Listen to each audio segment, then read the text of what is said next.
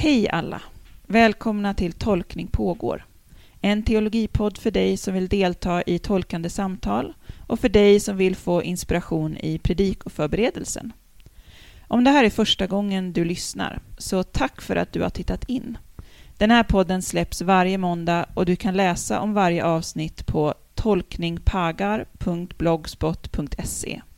Lyssna kan du också göra på iTunes och Acast och vi finns också på Facebook. Alla länkar och all information du behöver finns på hemsidan. Och nu sätter vi igång med samtalet.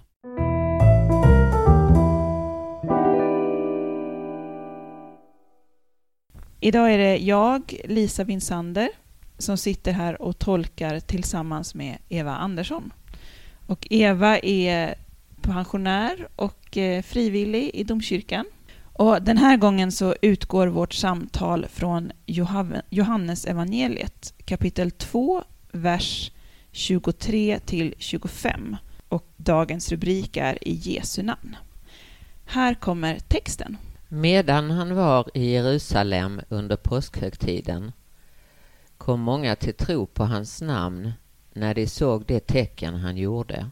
Men själv anförtrodde sig Jesus inte åt dem eftersom han kände dem alla och inte behövde höra någon vittna om människan. Han visste av sig själv vad som fanns i människan. Ja, den här texten är en sån text man behöver läsa flera gånger för att förstå lite grann vad den handlar om. Vad, vad är din första tanke, Eva? Det allra första som hände när jag tittade på texten, läste igenom den, det var att jag blev lite sådär eh, irriterad för jag upplevde någon motsägelse som jag inte förstod alls. Och det var det här med att Jesus inte anförtrodde sig. Och då tänkte jag det handlar ju om honom eftersom han kände dem. Och så tänkte jag, ja men, men de vill ju kanske känna honom också. Mm. Och sen när jag hade läst texten igen så tänkte jag, men det gjorde de nog redan. De hade sett alla tecken och de hade lyssnat på honom. Och han hade nyss haft ett våldsamt vredesutbrott i templet.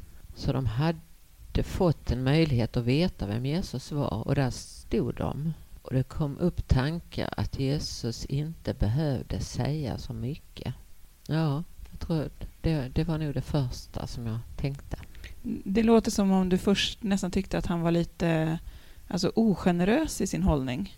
Eller? Ja, lite. Tänkte, inte så lätt för dem minsann, tänkte jag. Nej. Och samtidigt så finns ju det här att han vet. Alltså det är en erfarenhet som jag kan känna är sann. Att eh, Jesus har inte skrivit texter åt oss och eh, lämnat mycket ord mm. på det sättet. Som om det vore en medmänniska så skulle jag inte riktigt förstå den om jag inte fick veta något, om vi inte kunde samtala med varandra. Men att Jesus har visat på så många sätt vem han är och alla människor omkring honom som haft ett möte blir så oerhört påverkade. Gång på gång så kommer det upp att det förändrar människors liv, ett möte med Jesus. Han är något annat än alla andra. Mm. Det är som om han säger att eh, eh, att orden inte räcker till. Mm. Utan att det är i själva mötet. Mm. Att orden nästan eh, förvrider. Sitter jag och försöker analysera orden så förstår jag inte riktigt. Tänker, har de, eh, vad betyder det här med anförtrodde? Betyder det något annat än att han berättar om sig själv? Mm. Jag får direkt upp en bild eh, när jag kämpade mycket med min tro och jag har eh, förmånen att ha en, en pappa som är eh, innerligt troende. Och jag kom till honom och frågade och stångade och hur tänker du med det här och hur får du ihop det här? Och hans svar var hela tiden Ja, jag, jag tror. Helt enkelt. Mm. Så han, han gav mig aldrig några svar, vilket var ganska frustrerande. Men de orden har ju levt kvar i mig. Och jag tänker att kanske är lite grann i den här texten att det går inte att förklara. Det känner jag precis igen. Mm. Att det, lite längre fram när jag hade läst texten flera gånger så upplevde jag den som väldigt stor och att den ställde just tron på sin spets. Här tror jag och då betyder den här texten någonting, då, då lever den för mig. Men så kunde jag tänka, hur skulle jag kunna förklara för någon annan vad det är jag upplever i texten? Och det har med det att göra, som du säger, att den förutsätter ett möte med Jesus. Mm. Och jag tänker just det här som han gör.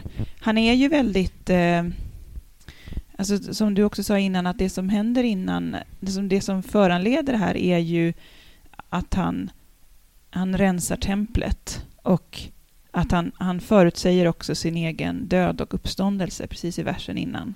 Det här templet som ska rivas och byggas upp på tre dagar. Och så, sen kommer den här lilla texten och sen så fortsättningsvis så följer eh, mötet med Nikodemus som också handlar om tecken.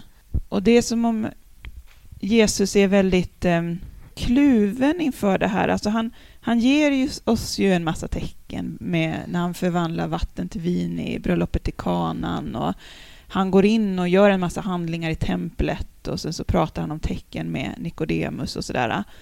Och så samtidigt så säger han att fast det där är egentligen inte viktigt. Man kan inte komma till tro genom att man har liksom sett mig gå på vattnet. Det är inte liksom riktigt det det handlar om. Utan det det handlar om är i mötet, det som är bortom orden. Och det kom jag att tänka på också, att det handlar om Guds rike och anden väldigt mycket. Vad är Guds rike? Kom jag att tänka på utifrån texten. Och det känner jag alltid att det är ingenting jag kan ehm, förklara utan att ett andligt möte har funnits hos den andra på något sätt. Utan då får jag eh, försöka själv och nöja mig med att jag eh, finns i någon sorts tro. Mm. Och hoppas att det som det har gjort överallt där Jesus möter människor så händer någonting i, emellan dem. Och så tänker jag att kanske en liten, liten glimt av det kan få finnas inte i det jag berättar för någon annan om min tro eller det jag berättar om Jesus, just det du säger, tecken eller utan att det kan få finnas i, eh, jag är väldigt svårt att hitta orden, men, men mm. det är här med, med vatten och ande, det är där någonting sker mm. som vi kan leva av. Ja, och att det kanske är något vi tar med oss vart vi än går. Ja. Ja, jag tänker ofta, jag sitter ju i samtal med studenter som studentpräst och det är inte så ofta som jag i, det själavårdande rummet, om, om det inte bes om det, jag, jag nämner ju inte Gud, jag undervisar inte om Jesus och så, att jag tänker lite grann som eh, i dophandlingen, när man, så ger man ju korsets tecken. Jag ger dig korsets tecken på din panna, på din mun och på din, ditt hjärta. Och så är det ju att, så att världen liksom... Eh, att, att jag tänker att det är ju vi går ut i världen och vi, vi ska tänka goda tankar, vi ska säga goda saker och vi ska känna. Alltså att vi, det implementeras i hela vår kropp. Så jag behöver inte sitta där och, och nämna Jesu namn för de här människorna, utan jag, jag undervisar och är i, i mitt vara, i det att jag tar en människa på allvar och, och i det att jag försöker få till ett möte och sådär, och att det är det som är själva poängen med allting. Att vi måste mötas på ett respektfullt plan, liksom, vi människor. Mm, det uttrycker du väldigt fint. För mm. jag tror det var precis det jag försökte få ja, ja. Men, jag har ju arbetat som psykoterapeut och mött mycket smärta ja. hos människor och mycket svåra livssituationer och mycket rädsla och oro. Och där har jag kun, jag har inte kunnat tala om vad jag tror, men jag har kunnat be när jag vet att någon skulle komma med något väldigt svårt och jag har kunnat be för de personerna efter och känna att jag har fått ha ett hopp att den bönen verkar i vår kontakt. Men har jag aldrig talat om min tro. Då associerar jag direkt till det här att du har inte anförtrott någon det. Precis som i texten, Nej, vad är det det står? Det har du rätt i. Men själv anförtrodde sig Jesus inte åt dem eftersom han kände dem alla och inte behövde höra någon vittna om människan. Han visste av sig själv vad som fanns i människan.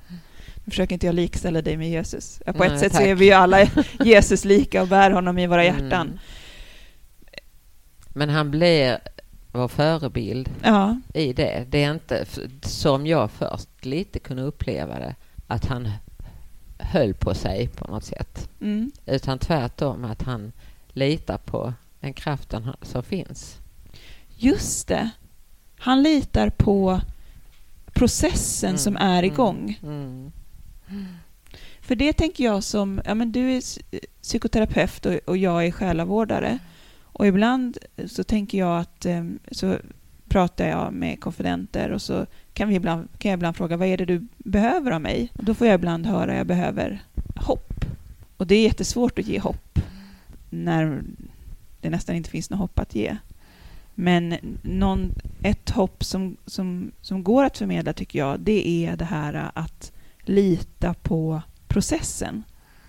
Lita på att alla ord behöver inte sägas. Vi behöver inte lägga det här pusslet helt rätt. Vi behöver inte komma fram till en lösning eller slutsats så, utan lita på att om, om du tar ett steg så tar tillvaron, eller Gud, vad man vill eh, välja att kalla det, ett steg. Mm. Så när du öppnar ögonen nästa gång så kommer du vara på ett annat ställe än där du var när du slöt dem. Mm. Det här att lita på att det, det, det, den arbetssats du behöver göra är att öppna dig inför liksom, tillvaron och inför din process. Mm. När du säger det så tänker jag att jag upplever det som eh, skönt att vara lite gammal. Mm. Jag märker det när, när någon i min närhet är väldigt eh, orolig, förtvivlad för någon livssituation eller att jag själv hamnar i någonting som jag inte ser någon utväg i. Så kan jag liksom lite grann se min livsprocess, allt eh, bakåt, hur det ändå har eh, livet har liksom fört mig framåt även om jag själv har mak- varit maktlös i många lägen Mm. så har den här som du kallar processen verkat på olika sätt som gör att jag ändå kan älska livet. Mm. Och det är inte för att det har varit så lätt, men det är för att jag känner det här. Han visste av sig själv vad som fanns i människan. Som det står i texten, att jag har inte hela livet, men väldigt stora delar av livet ändå uppfattat detta på något sätt. Det finns någon som fi- vet vad det finns i människan Mm. och just i mig. Jag har funderat mycket, för det känns som en gåva att ha fått se det. Att ha fått lägga märke till det. Mm. Och så tänkte jag, hur kunde det komma sig att jag fick det? Så jag, jag har egentligen aldrig förstått det. Och jag hör att du säger, hur har jag fått den gåvan att lägga märke till det? Mm. För i det så hör jag att du säger att det finns i alla människor, Mm. den liksom på något sätt Mm. styrfarten. Och gåvan är ju kanske att känna igen det. Mm. Ja, så upplever jag det. Ja, Jag kan ju se många vägvisare bakåt. Jag har kanske dina tankar. nej, för jag tänker nu när vi pratar om det och jag läser texten så tänker jag att det här handlar om ett... Eh, jag menar, vi pratar om det här, det här är ett skeende som hände med Jesus där och då, men om vi plockar in det i, hos oss själva i vår, våra egna liv, att det här låter som ett, ett tillstånd av det, den, den totala tilliten som vi ibland Mm. i vissa nåderika stunder kan erfara. Mm.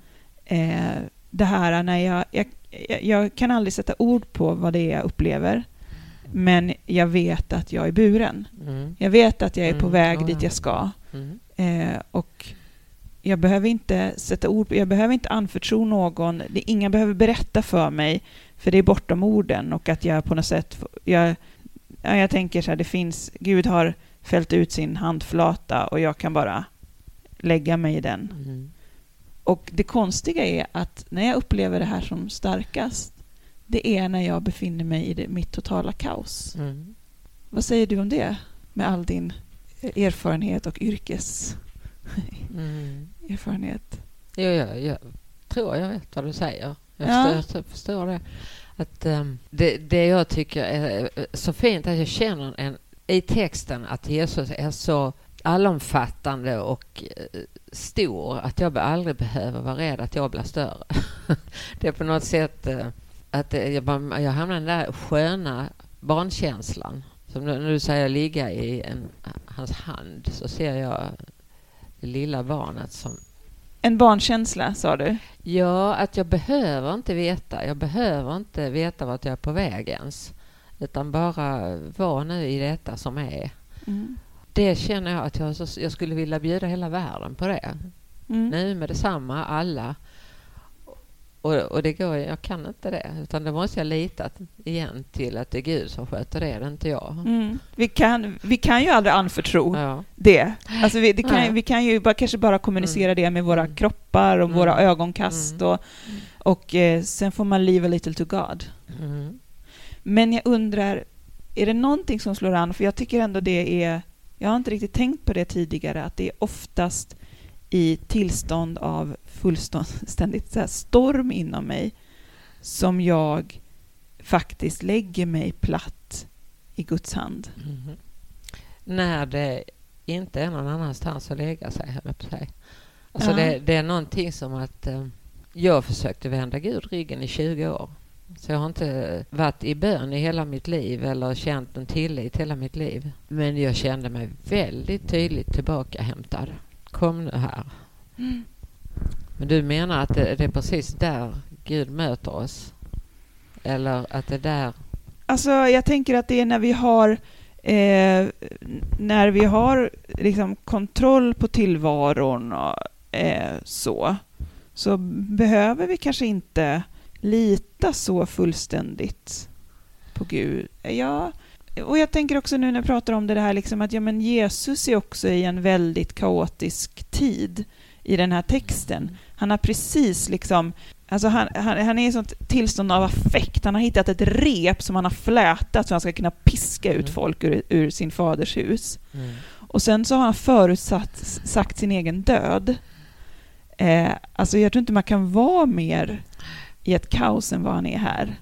Och här säger han att jag kan inte jag har inte lyxen av att kommunicera med människor. Jag vet vad de känner, jag känner deras handlingar. Min kanal går direkt till Gud här.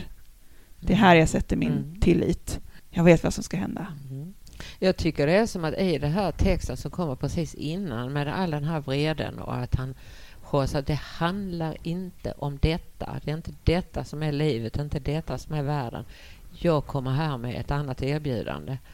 Mm. Det är så tydligt när man, man läser om hur han ska riva ner templet och så bygga upp det på tre dagar, så är han precis innan vår text. Och det här, tre dagar, vad då? Det tog 46 år, säger människorna. Mm. De talar om olika världar, olika mm. riken. Och sen kommer detta när han liksom på något sätt står still i, efter sin eh, gärning där, vad han har gjort, så, så blir han alldeles stark och bara står stilla och anförtror sig ingen. Och då tänker jag att det har också någon verkan på de som är där. Mm. Jag behöver inte er, er världsliga bekräftelse. Nej. Jag, jag ser er, mm. säger han på något sätt. Mm. Ni behöver inte berätta något för Nej. mig, jag ser Nej. er och vad ni verkligen är. Mm. Allt är goda och allt är mm. onda och ni är, ni är genomborrade av min mm. blick. Och där finns ju kanske en förlåtelse också. Det betyder ju liksom lite också att han, alltså den, de här köpmännen som han tyckte så illa om, som han drev ut, de är också Guds mest älskade barn.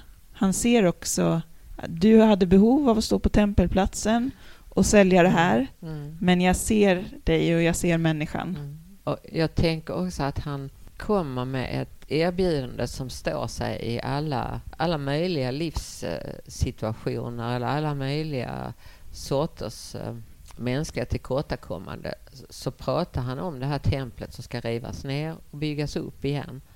Och jag tänker att väl inte en kotte fattade vad han sa. Men att det är så för oss. Att vi vet att eh, det riket består. Det Gudsriket som han kommer och erbjuder, det, det, det består i alla de här olika tempel som kan rasa och byggas upp här i världen. Nu får jag alltså en jättelång tankebana som jag försöker löpa ut. Att jag tänker, det är ju fortfarande bråk om det där jäkla templet. Mm. Alltså, mm. för ett år sedan så var jag där mm. och uppe på temp alltså där på den muslimska sidan och där gick det eh, eh, judar eh, eh som på något sätt markerade sin plats och där nere på, eh, vad heter den, Eh, vid klagomuren så är det uppdelat och vissa får gå och det är säkerhetscheckar. Alltså det är fortfarande han skulle kom, behöva komma och driva ut oss på något sätt och bygga fred än idag. Och så tänker jag på just den här sista, men för i de här dagarna när vi, liksom i, när vi misstänkliggör varandra åt massa olika håll, i, i Trump-dagar och i Sverigedemokrat-dagar och sådär, vi vill gärna demoni- alla sidor vill demonisera varandra på något sätt.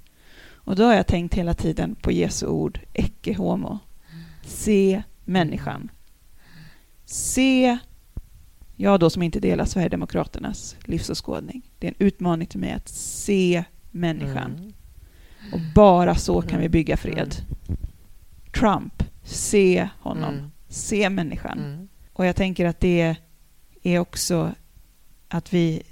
Han, han, han kommer och han, han gör en massa handlingar. Han driver ut templet liksom och, och försöker en annan världsordning. Men samtidigt så, så kommer han alltid med den här underströmmen att vi måste alltid se varandra.